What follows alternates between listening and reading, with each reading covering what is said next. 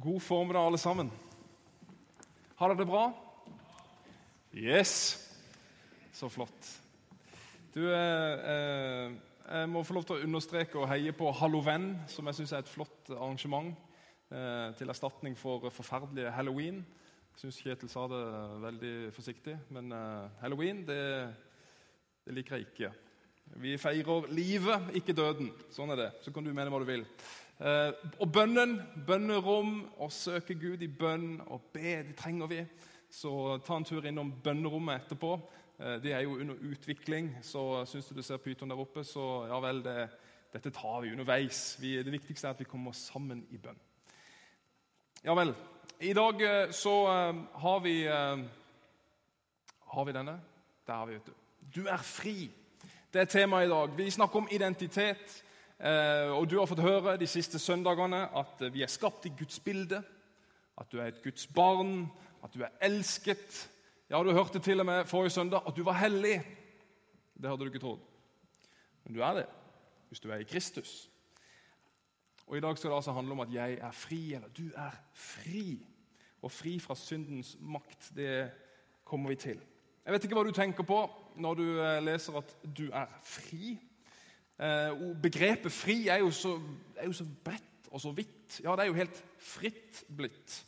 Det har så mange betydninger. Eh, denne uka har jo barna hatt høstferie. De har hatt høstfri. Og det, Å se på det smilet og den gleden de kommer hjem med på fredags ettermiddag, det er jo bare helt fantastisk.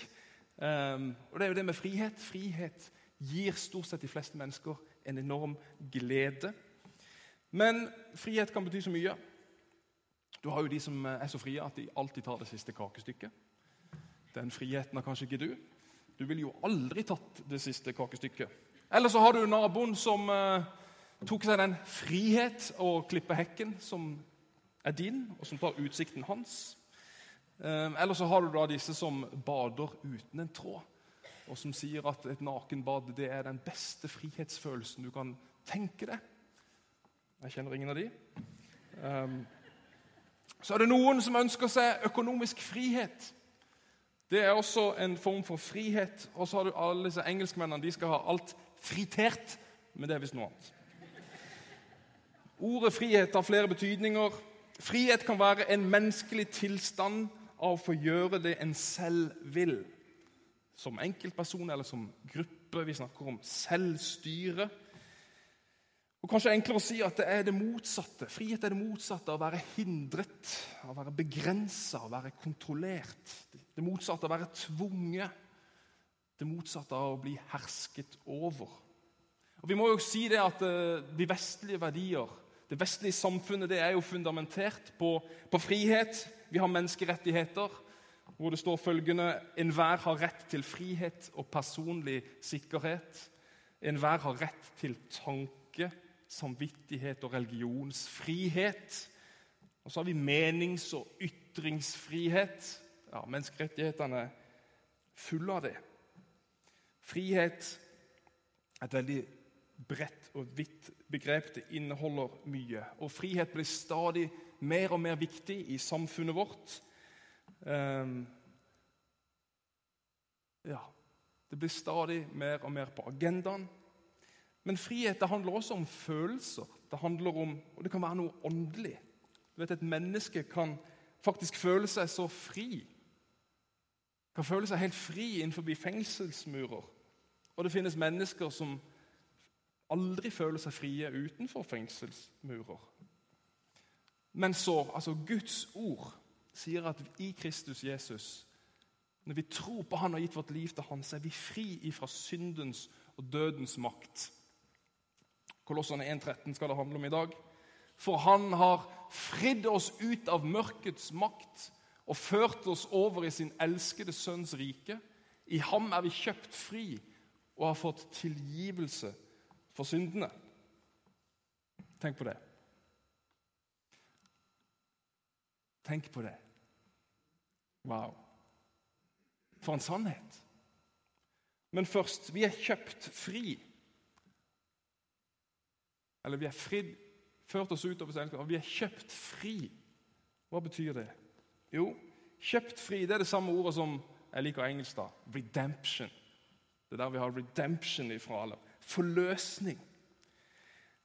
Dette ordet betyr ordrett, rett og slett, som det står på norsk, å være kjøpt fri. Eller å kjøpe noen fri. Og Bibelen bruker slaveriet slaveriet som bakteppe for å beskrive hvordan Jesus satte oss, satt oss fri fra syndens og mørkets makt. Og Det er sikkert et bilde som ga mer mening, eller ga i hvert fall sterkere og tydeligere mening for de som levde under slaveriet eller under slavetiden, og det var en realitet. Men mennesker har blitt solgt som slaver i årtusener.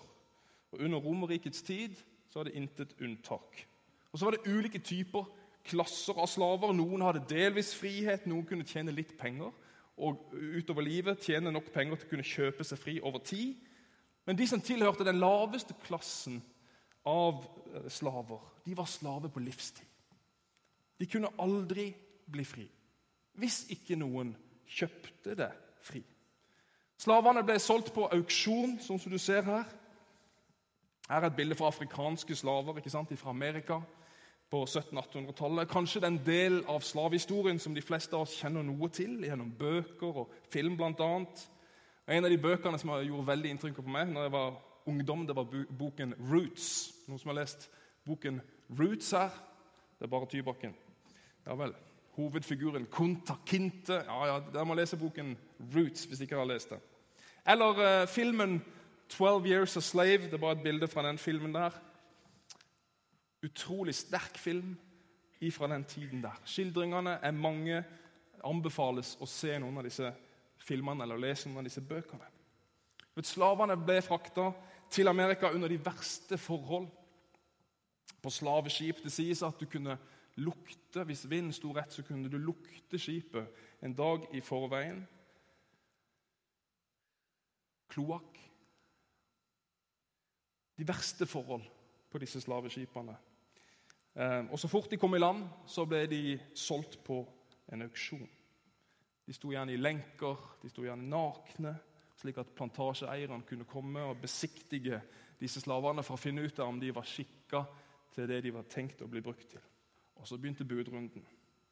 50 cent, 75, 1 dollar. Og, så og en sjelden gang iblant, altfor sjeldent sies det, men da ville en slave bli kjøpt. Det høyeste budet ville bli gitt for å gi denne slaven frihet. De ble redeemed. De ble kjøpt fri. Og det er akkurat det Jesus gjorde for oss. Han setter oss fri fra mørkets makt og fra synden.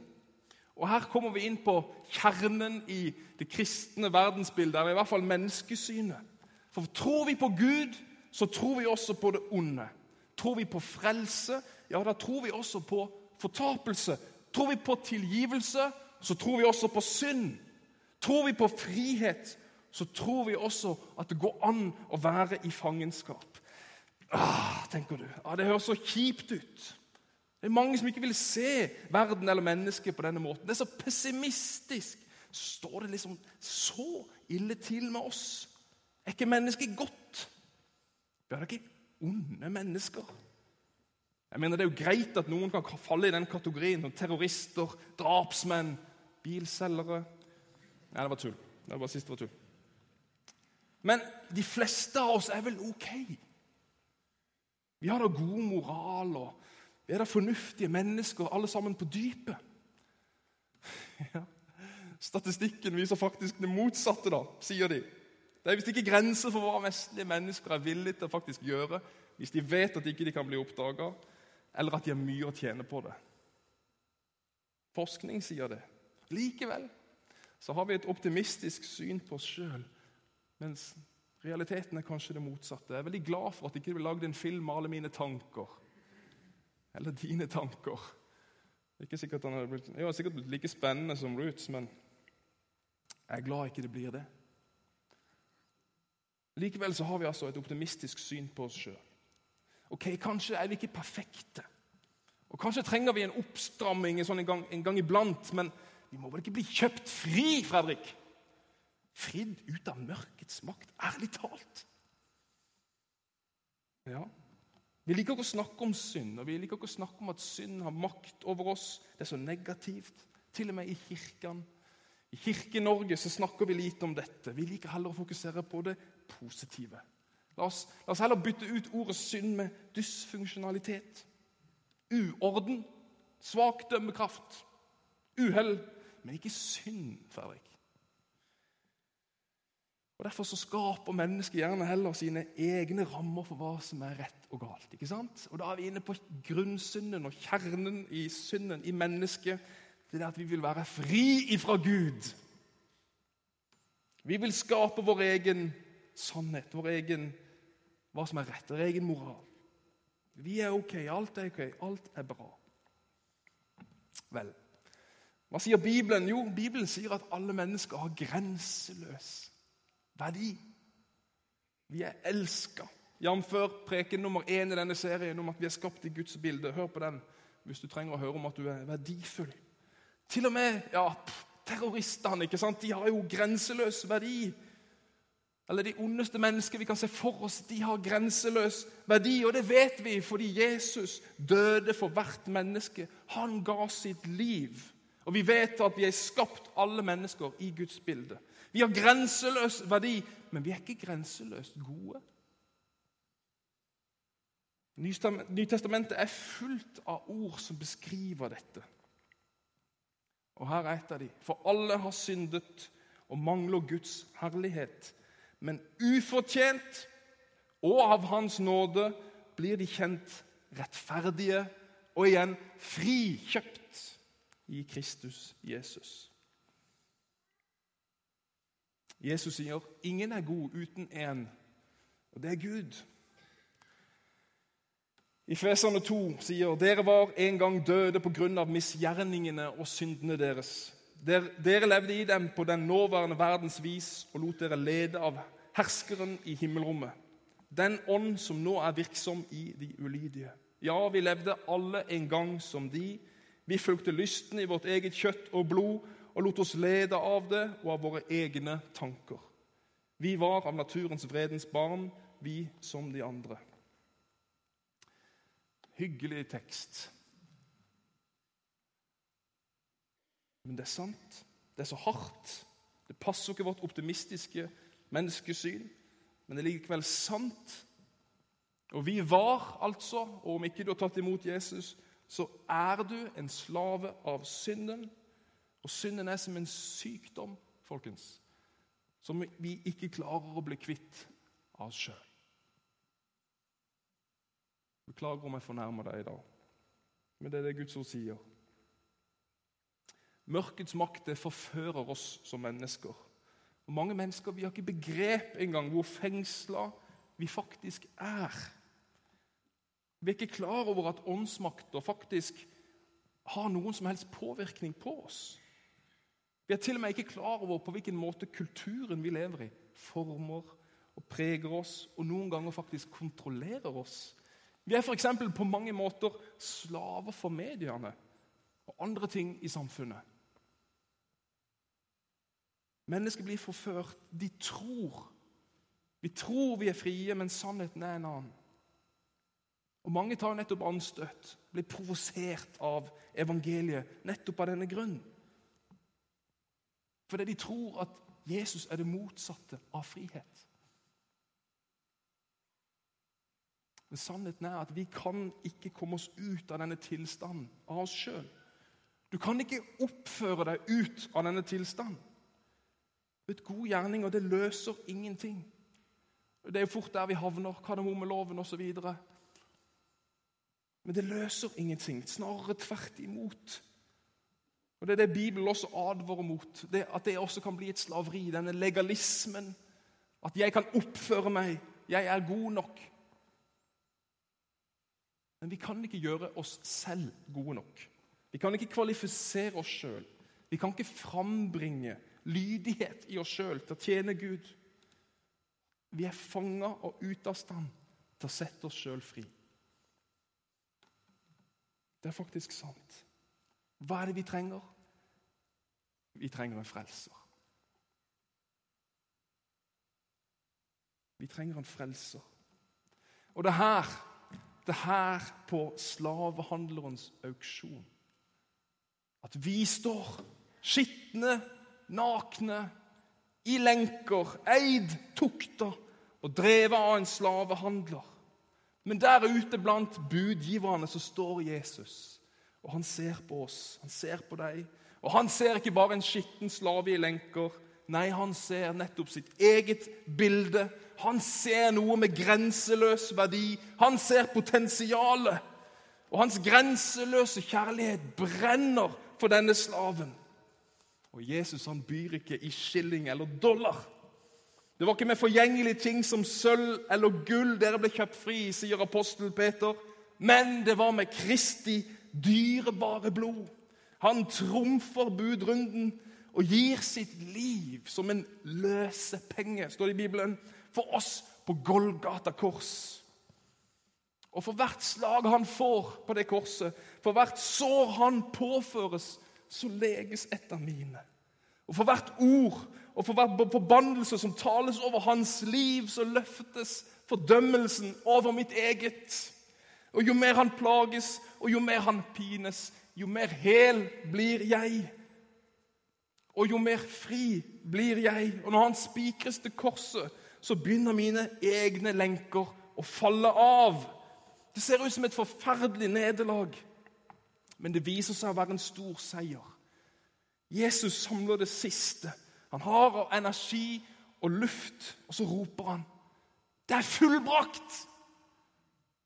Og så dør han. Lenkene er brutt. Jeg står fri. Jeg er kjøpt og prisen betalt.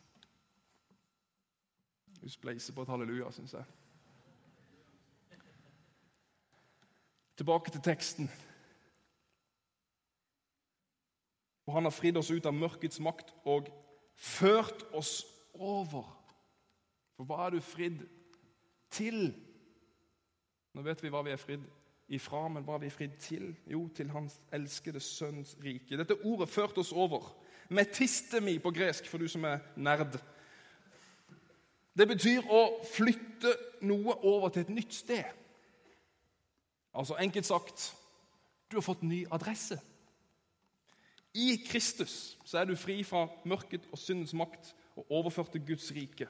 Og som apostel Peter skriver, han som kalte dere fra mørket og inn i sitt underfulle lys. Dumt sagt så er du blitt flytta fra Lucifers vei nummer 666 til salighetssløyfen nummer 777. Det er din nye adresse. I Kristus. Det er der du hører hjemme. Men så er det jo sånn da at eh, den nye adressen den er jo godt kjent fra mine anførselstegn, gamle venner og naboer. Så her kommer mange og banker på døra di. Men du må huske at de har ingen eiendomsrett hos deg, for du er fri, og du har flyttet inn på ny adresse. Han som eide deg tidligere, vil komme og invitere deg tilbake. Minne deg på alt du en gang hadde. Og han lar deg ikke slippe fortida. Akkurat som israelsfolket. Hele den historien handler om frihet. by the way. Og De sitter der og savner slaveriet. De er på vei ut av slaveriet. Og så 'Å, vi vil bare tilbake til grytene i Egypt.' De savner den gode maten. De var klagde på Gud. Det var ikke nok med indrefileter fra himmelen. Og Der står han på din nye adresse. Poenget er at du kan smelle igjen den døra. Du får lov du er fri nå. Det er mange som vil komme innom denne nye adressen din og hevde sin rett på det. Skammen, f.eks., elsker jo å komme innom. Titter ofte og minner deg på hvor dårlig du er. Eller mismotet. Det kommer også gjerne. Og Det er som en pest som ofte kommer, og som snakker og snakker og snakker. Og du står der i døra til du blir helt kald, og så blir det kaldt i huset også etterpå. Mismotet. Begjæret kommer jo selvfølgelig. Begjæret kommer alltid når du er sliten og på de kjipe tidspunktene. Det blir vanskelig å stå imot i døra. Døra blir gjerne stående på gløtt. For ikke å snakke om hatet og bitterheten. Det er som en støvsugerceller. Det er vanskelig å bli kvitt. Første Mosebok kapittel 4 så står det at Gud sier til Kain synden ligger klar ved døren. Den ønsker makt over deg. Men du skal herske over den. Jesus sier i Johannes 8, vers 31.: Hvis dere blir i mitt ord, er dere virkelig mine disipler. Da skal dere kjenne sannheten, og sannheten skal gjøre dere fri. Du må huske hva din sanne identitet er. Du er fri! Du bestemmer over den døra når det kommer for å innhente deg. Du bestemmer. Du har autoritet. Du kan lukke den døra. Johannes 8, 36, litt lenger ned. For Sønnen frigjort dere, da blir dere virkelig fri. Ja, men Fredrik, da. Dette er så langt ifra min virkelighet. Å kunne lukke denne døra. Vet, når disse tingene eller følelsene kommer på døra, fristelsene kommer på døra, eller hva det er, det, det oppleves ikke bare som de står utenfor. Fredrik. Det oppleves som om de har fest i stua mi hver kveld. Og de har invitert med seg hele familien. Sånn oppleves det, Fredrik. Hva er det du snakker om? Jeg føler meg ikke fri. Og det er nok mange av oss som kjenner oss igjen i. Og her står utfordringen, folkens. Dette er jo paradokset. Vi lever i en fallen verden. Hvis vi snakker om kristent verdensbilde Vi lever i en ond og en fallen verden. Synden er fortsatt en realitet, uansett hvor mye frelst og fri du er. Og vi er mennesker som er vant til å leve som slaver av synden. I gamle vaner, i tankemønstre og Selv om du er frelst den ene dagen og du våkner til den neste, så er det ikke alltid du føler deg helt ny. Gud kunne jo ha lobotomert oss. Altså bare fiksa hjernen din sånn at bing, å, liksom. Alt var helt nytt. og Tenk hvor fantastisk det hadde vært. Folk ble frelst og døpt, og de var ikke til å kjenne igjen. på en måte. Kjekt. Men sånn er det ikke. Gud handler ut ifra kjærlighet. Og Kjærlighet er jo ikke tvang. Han lobotomerer ingen. Men hans kjærlighet driver oss ut av mørket og inn i lyset. Det er en, også en prosess. Du har valget å følge denne sannheten eller ikke. Og For å låne uttrykk av Vigleik, min gode venn, i hvert fall, som sier at Fredrik, vi lever i spennet. Vi lever i spennet. Vi lever i spennet teologiske uttrykk. Allerede nå, men ennå ikke. Guds rike er her nå. Allerede nå, men ennå ikke. Vi slites gjennom det gamle og det nye mennesket, også et bibelsk uttrykk. Men spørsmålet er hva vil du tro på? Hva vil du sette din lit til? Stole på? Hvilken stemme vil du følge? Dette snakker vi også om sist. Lar du sannheten tale inn i livet ditt? Og litt etter litt så vil dette bli en del av oss. Det er en prosess. Det er derfor vi kaller det disippelskap. Å være en kristen det er å en disippel, det er å leve i etterfølgelse. Stadig fornyelse. Sier, nei, Paulus sier i Romerne 12.: Innrett dere ikke etter den nåværende verden, men la dere forvandle, sier han, ved at sinnet fornyes, så dere kan dømme om hva som er Guds vilje, det gode, det som er til glede for Gud, det fullkomne. La sinnet fornyes. Dette ordet 'fornyes' det er der vi har metamorfose fra. Metamorfose det betyr forvandling. Og Metamorfose det er jo, i biologien i hvert fall, så er det jo det som skjer med sommerfuglarven. Denne forvandlingen som den går igjennom. Den er jo skapt, eller blitt til, som sommerfugl. Men ser ut som en larve. Mens Gradvis så kommer det den er skapt til å være, til uttrykk. Og Det er det vi snakker om her. La sinnet forvandles. La det utvikle seg. La det innrette seg etter det som faktisk er sant om hvem du er. Dette ordet er også det samme som brukes om Jesus når han forvandles foran disiplenes øye på, på berget der. Når de tar disse Peter, Jakob, Johannes opp på fjellet. Og så blir han forvandla. En enorm stråleglans.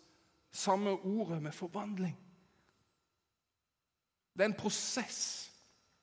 Du må begynne å tro på det Jesus har gitt deg. Det han har kjøpt og betalt deg til å være og leve i. Og Da kan vi ikke bare se oss rundt om i denne verden for å finne oss sjøl.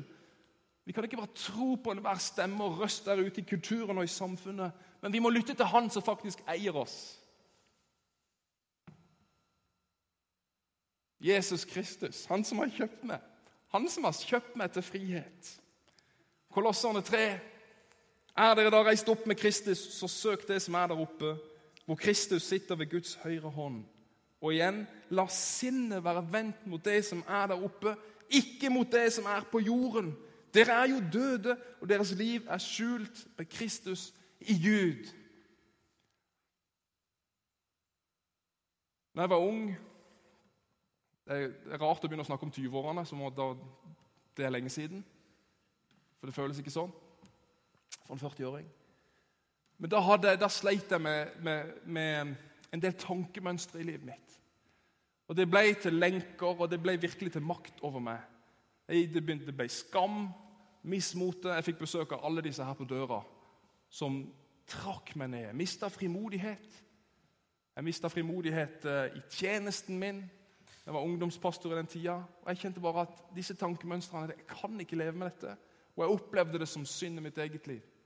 Og så er det jo noe som ikke vi har tid til å komme inn på i dag, men som også hjelper oss ved at sinnet fornyes og hjelper oss til å leve i sannheten om at jeg er fri. Det er bekjennelse av synd.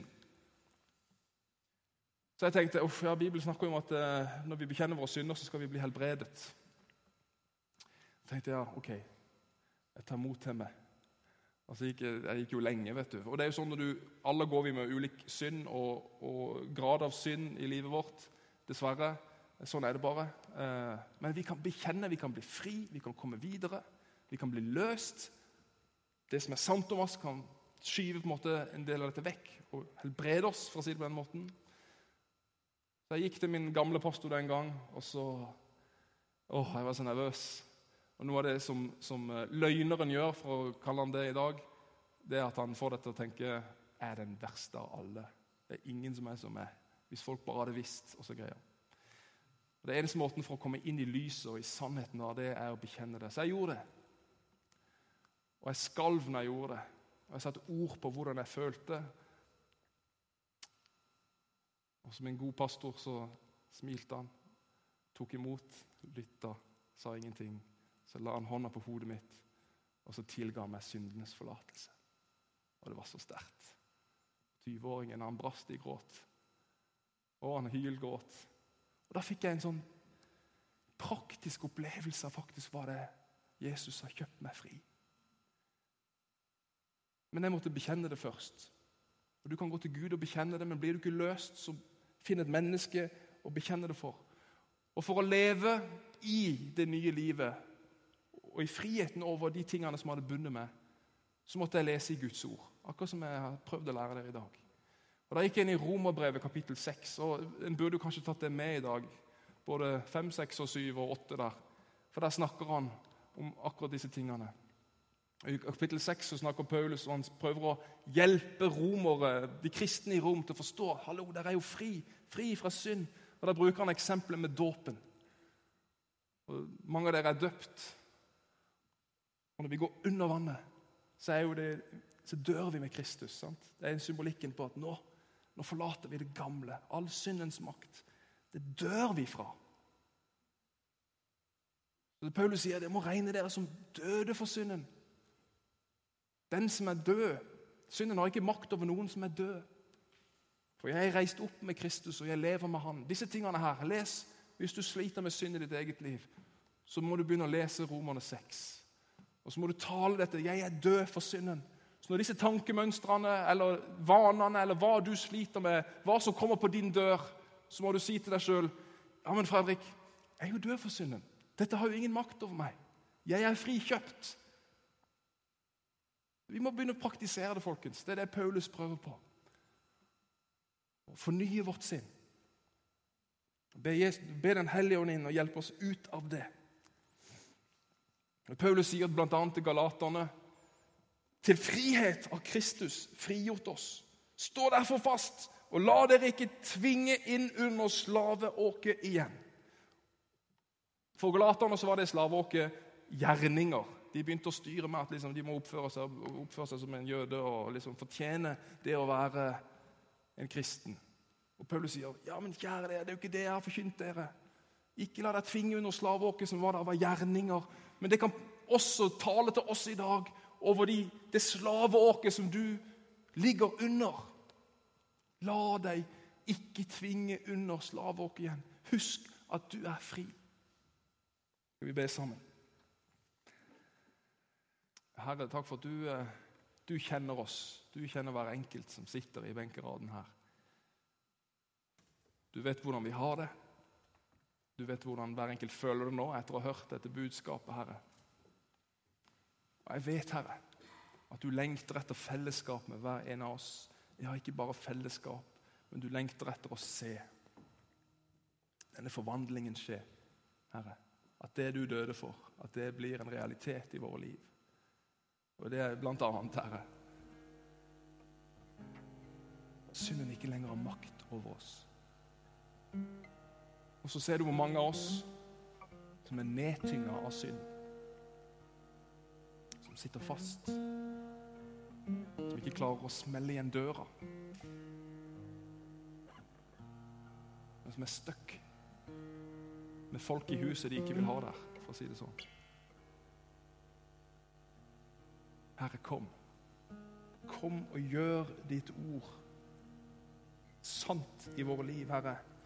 Hjelp oss å leve i lyset, i ditt underfulle lys, der du har satt oss til å leve, det du har kjøpt oss fri for å leve, Herre.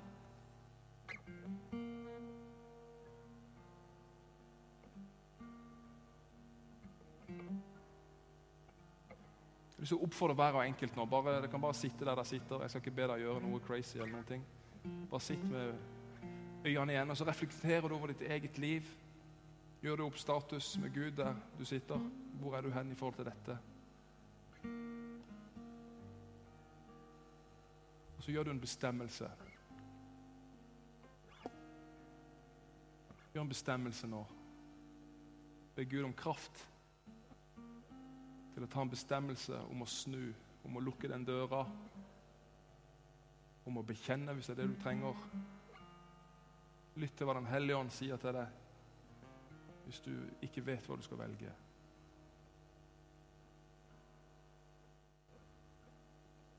Vet, mange mennesker dør hver dag i kampen om frihet. Da tenker jeg vi også skylder Jesus i å kjempe for den frihet han har gitt oss. Ikke la deg drive med. Og la synden ødelegge ditt liv. Herre, jeg ber for de bestemmelser som er tatt, at du skal velsigne det, Herre. At vi skal få se, Herre, frihet. Frihet. Og Takk for at du er den som trøster. Du tørker hvert tåre fra hvert kinn. Du taler, Herre, ord til oppbyggelse. Tal din sannhet inn i hver enkelt, Herre. I Jesu navn jeg ber. Amen.